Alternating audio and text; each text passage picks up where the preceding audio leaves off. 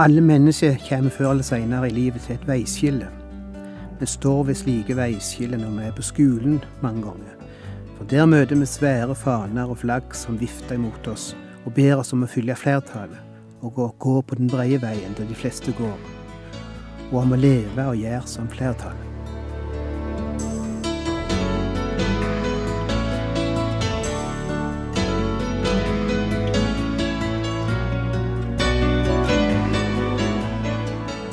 Hjertelig velkommen til et nytt program i serien Vindu mot livet. Vindu mot livet er basert på programserien Insight for Living ved Chuck Svindal. Programmet er produsert av Kristen Riksradio og blir ledet av Ola Bjoland.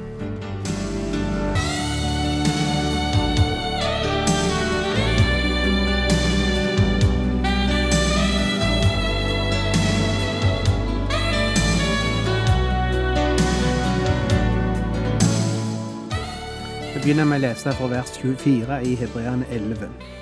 I tro nektet Moses, da han ble stor, å være sønn av faraos datter.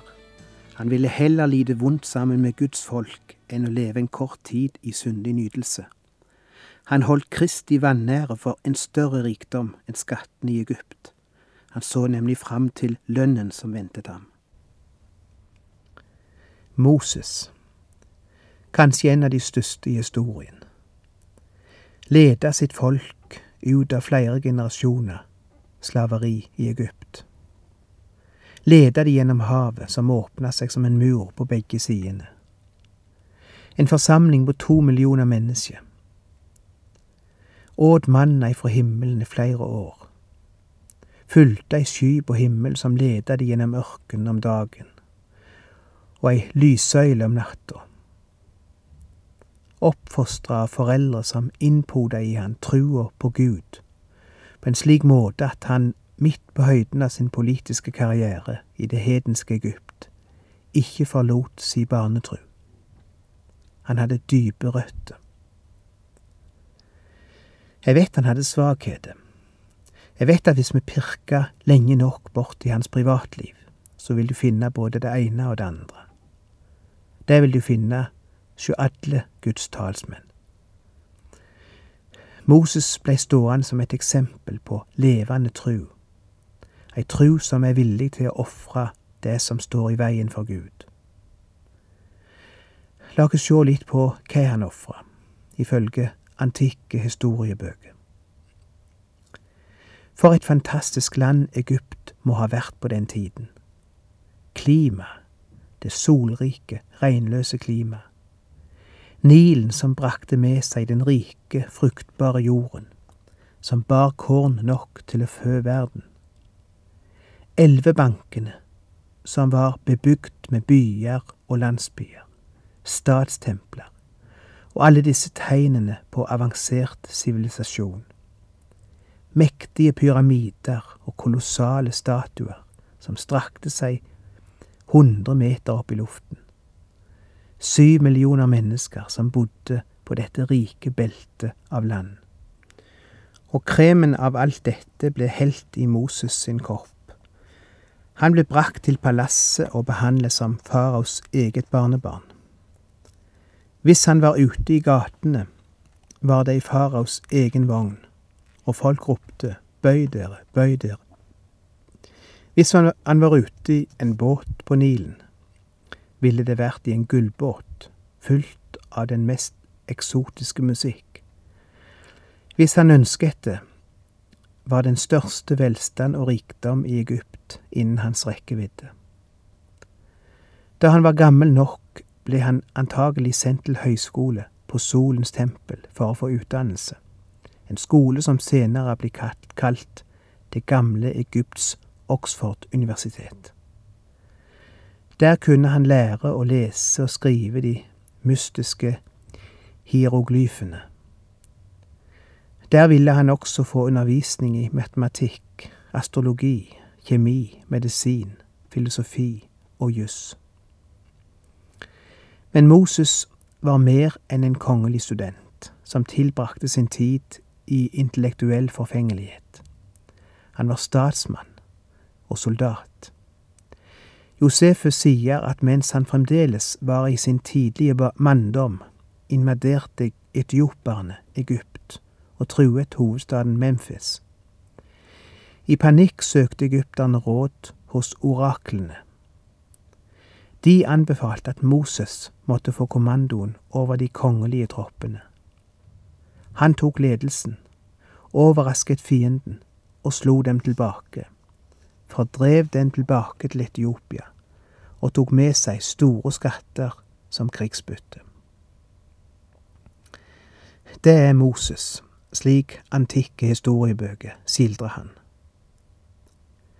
Men det er ingen monumenter i Egypt etter Moses. Ingen pyramide til ære for han. Ingen tempel som bærer hans navn.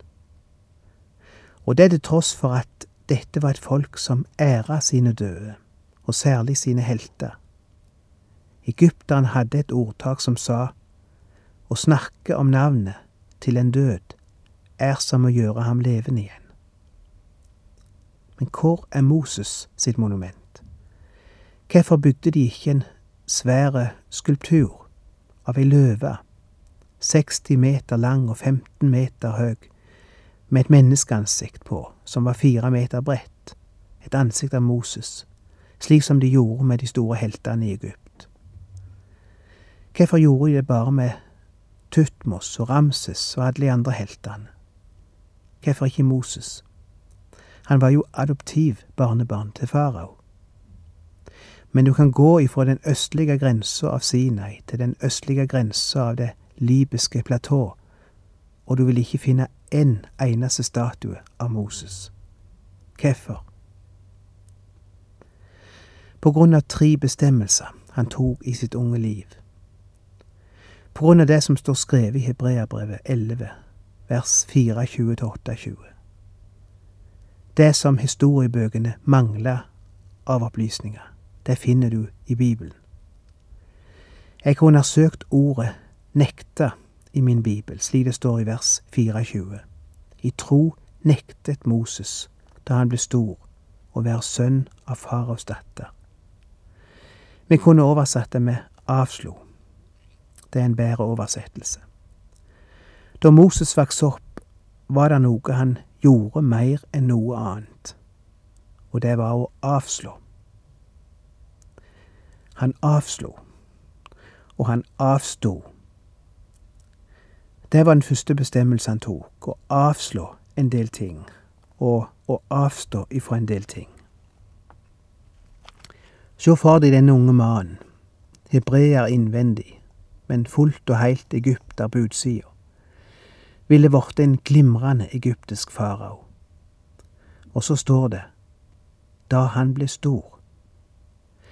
Det trenger ikke bare gå på det å bli voksen, men like mye på det å bli stor sosialt og økonomisk. Da han begynte å bli stor, nemlig mektig og berømt, tok han en beslutning. Han gjorde en bestemmelse. Alle mennesker kommer før eller seinere i livet til et veiskille. Vi står ved slike veiskille når vi er på skolen, eksempel, mange ganger. For der møter vi svære faner og flagg som vifter imot oss og ber oss om å følge flertallet. Om å gå på den breie veien der de fleste går. Om å leve og gjøre som flertallet. Og jeg skal si ungdommen i dag står overfor slike veiskiller. Kanskje enda mer enn vi gjorde da vi var unge. Her må tenke på den siste 17. mai jeg opplevde her på plassen der jeg bor. Hundrevis av gymnasiaster som feira i gatene. Russ, som vi kalla de. Og noen kilometer lenger oppe i landet ligger en plass som heter Kongeparken, der flere tusen russ ifra hele landet var samla. Og heilt seriøst blei det planlagt å dele ut kondom ved inngangen til alle som skulle inn, som en inngangsbillett. Og russetoget 17. mai var sjølsagt kun konsentrert om full og sex. Det var det det hele dreide seg om. Og det var visst det russefeiringen dreide seg om, hvis vi skulle forstå budskapet rett. Jeg så ikke ett poeng som var i nærheten av å være morsomt eller meningsfullt. Det var drikking av øl, og det var forherligelse av fri sex. Det var visst det som var symbolet på frihet og glede. Ikke en som reserverte seg, og som kom med et annet budskap. Ikke en som skrev i avisa dagen etterpå og sa vi er ikke enige i det som ble vist. Vi har et annet syn på livet, og et annet syn på glede og på fest. Da er det ikke lett å være ungdom i ei tid der det blir opplest og vedtatt at glede er å bryte alle anstendige normer og alle Guds bud. Der det er godtatt. Og hvis du har et annet syn, så er du en raring. Da står du ved et veiskille. Da må du gjøre et valg. For du kommer ikke til å bli populær ved å velge annerledes enn alle de andre. For da Moses virkelig hadde begynt å bli stor og berømt og rik, da sto han ved et slikt veiskille. Han måtte foreta et valg, og valget var tøft. Det dreide seg om han fortsatt skulle bli kalt faraos dattersønn, med alle rettighetene det innebar, og med et liv på toppen, eller om han skulle frasi seg denne retten til fordel for Guds vei. Han avslo å være en sønn av faraos datter, står det. Det kom til et punkt, kanskje han sto i en rettssal, kanskje han sa det til noen tjenere som sto rundt og bare venta på det minste vink til å finne noe til han eller gjøre noe for han. Kanskje han sa det til adoptivmora si, faraos datter. Iallfall, en dag sto han fram og sa, Ikke kall meg sønnen din lenger. Jeg kan ikke være arving til truna. Jeg kan ikke. Jeg minner meg om Daniel som sto aleine i den babylonske rettssal, den eneste hebreer blant bare babylonere, og omgitt av babylonsk livsstil, og proklamerte Jeg kan ikke spise kongens mat. Jeg kan ikke leve etter kongens livsstil. Jeg kan ikke gå på kongens vei. Jeg beklager, men jeg må følge Guds vei. Han er min Herre. Jeg har ingen annen Herre. For Han vil jeg leve, og for Han vil jeg, om nødvendig, gå i døden. Dette er folk med integritet. Dette er folk som våger å gå imot strømmen, som våger å sjokkere publikum med å gå i motsatt retning. Så har vi to ord til som jeg finner her i teksten. Det første var altså han avslo, eller nekta. Og de neste to orda må jeg tilbake til den gamle oversettelsen for å finne. Han valgte, står der. Han valgte heller å lide vondt sammen med Guds folk enn å leve en kort tid i syndig nytelse. Og det tredje ordet er han betraktet. Han betrakta, eller han haldt, Kristi vanære for en større rikdom enn skattene i Egypt. Ordet for å velge som er brukt på gresk her, betyr å ta en posisjon. Hvorfor handler vi så ofte feil i livet? Hvorfor gjør vi så mange bommerter og dumheter? Jeg tror svaret er fordi vi ikke på forhånd tok en posisjon har gjort et valg. Det har noe å gjøre med å ta en bestemmelse og gjøre et valg på forhånd, før en kommer opp i situasjonen. Hvis jeg ikke hadde tatt et valg, eksempel med hensyn til troskap imot ektefellen min, hvis jeg ikke hadde tatt en bestemmelse, en posisjon, at samme hva som hender, samme hvor store fristelsene måtte være, så vil jeg ikke ofre ekteskapet og familien og barna og alt det jeg har. Det er for dyrt til å ofre. Såra blir for dype til gro. Og dessuten har jeg gitt et løfte, både til Gud og til henne. Men poenget er, hvis jeg ikke har bestemt meg for dette på forhånd, tok en vareopptelling i livet mitt og gjort det klart for meg sjøl at fristelsene kan komme, at problemer kan dukke opp, men jeg har bestemt meg for å kjempe for det jeg har Hvis jeg ikke tok denne posisjonen på forhånd, så er jeg et lett bytte for fristelse den dagen de dukker opp i mine svakeste øyeblikk. Jeg mener, den dagen vi kanskje sliter i ekteskapet, og følelsene lunkne, og du plutselig kommer opp i noe som virker fornyende og forlokkende. Da er du veldig ubeskytta hvis du ikke har gjort et valg og tok en bestemmelse som du akter å holde. Jeg ser eksempel på dette hver eneste uke. Og her gjør Moses et valg som utvilsomt må koste han mye. Han velger bort et liv på toppen, bokstavelig talt. Han velger bort et liv i sola. Fordi valget sto mellom et liv i sola og et liv sammen med Guds folk. Ikke fordi et liv i sola eller et liv på toppen nødvendigvis er synd, for all del, men i dette tilfellet var det det. I dette tilfellet var det det samme som et liv i kortvarig syndig nytelse, som det står, eller å leve en kort tid i syndig nytelse. Ikke kom og fortell meg at synda ikke har sin nytelse. Visst har den det. Det sier Bibelen.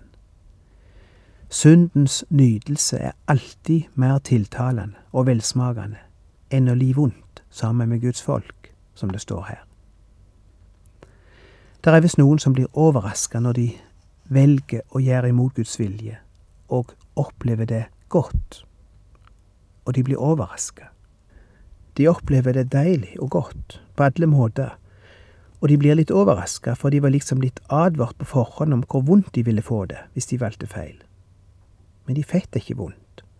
De fikk det så godt som aldri før, kanskje, iallfall for ei stund. Det er derfor ordet her kalles eller kaller det for nytelse. Klart nydelse er godt. Hvis ikke, så ville ikke Bibelen kalt det nydelse. Det er nettopp det som er poenget, at det smaker godt, og det oppleves godt og fint og meningsfullt.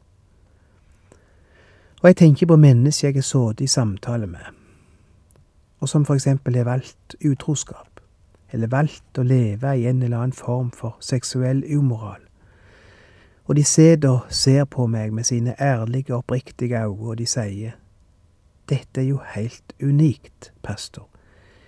Det er faktisk det fineste og beste jeg har opplevd i hele mitt liv. Du kan vel ikke si at det som oppleves så godt, kan være galt? Og jeg får lyst til å si, kan du ikke fortelle meg noe som jeg ikke vet? Selvfølgelig er det godt. Selvfølgelig oppleves det fantastisk. Er du overrasket over det? Bibelen har sagt det hele tida. Har du ikke lest det? Bibelen kaller det nydelse. Og det betyr én ting.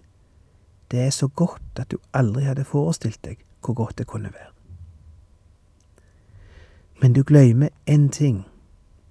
Ett ord. Det står ikke bare nydelse. Det står kortvarig nytelse. Ja, tenk det. Så utrolig sann Bibelen er. Så utrolig realistisk. Det er nesten tragikomisk å sitte og se hvordan Bibelen går i oppfyllelse om igjen og om igjen. Hvor det som ofte så ut som en store lykke, bleikner og blir til tragedie. Jeg sitter ikke her nå og dømmer alle som valgte feil dømmer de til avgrunnen. For mange som valgte feil, og som erkjenner for Gud eh, at de gjorde feil, og gir det feile valget over i hans hender, kan oppleve at Hans nåde er større enn deres synd og deres fall. Men det som står fast, er at den som velger synda, som trosser Guds ord, og fortsetter å leve slik, vil komme til å oppleve en dag at det varer ikke. Gleden varte ikke. Hvordan kunne Moses velge den smale vei og forsake den breie? Hvordan kunne han foretrekke å ha det trangt og av og til litt vondt sammen med Guds folk, framfor å leve i sus og dus på toppen av palasset? Fordi han så noe, står der. Og det er det fjerde, eller kanskje det var det tredje ordet. Han så nemlig fram til lønnen som ventet ham, står det.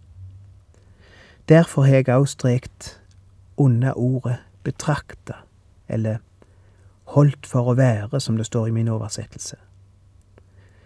Det betyr på gresk å tenke på forhånd. ikke det er litt interessant? Å tenke på forhånd. Det er det det hele dreier seg om. Og det betyr òg en ting til. Å sjå framover, som det står. Når en står framfor veikrysset, så ser en framover, til det som vil komme der framme, når en velger den ene eller den andre veien. Moses sto ved veiskillet, og han tenkte, før han gjorde sitt endelige valg. Hvis jeg fortsetter å leve her, fortsetter å være faraos datters sønn, fortsetter å være kronprins ved palasset, Fortsett å omgi meg med disse enorme rikdommene, og fortsett å bli skolert og oppdratt til å overta og lede verdens mektigste dynasti, vil jeg aldri kunne komme tilbake til mitt eget folk. Jeg vil aldri kunne være til hjelp for mitt folk, for jeg vil ikke kjenne de lenger, og de vil ikke kjenne meg. Jeg vil miste kontakten med min Gud og med mine røtter og med mitt folk. Jeg vil miste mine kjære, og sjøl om det for øyeblikket smaker bedre å bo i et palass enn i et falleferdig skur, sjøl om det lokker mer å bo på slott enn å tilhøre trelandet, så kan jeg ikke tenke meg å miste mine egne røtter og mitt eget folk. Jeg velger mitt eget folk, sjøl om jeg skulle komme til å li for det. For han ser framover. Han så nemlig fram til lønnen som ventet ham. Derfor er det ikke noen skulptur etter Moses eller noen pyramider. Han avsto ifra det. Men han har fått et navn som er så mye større enn noen egyptisk farao. Og framfor alt, han har fått et navn i himmelen. Og det er vel det som teller, når alt kommer til alt. Er mitt navn skrevet der, i din bok, Herre kjær, der hvor dine står tegnet, er mitt navn skrevet der.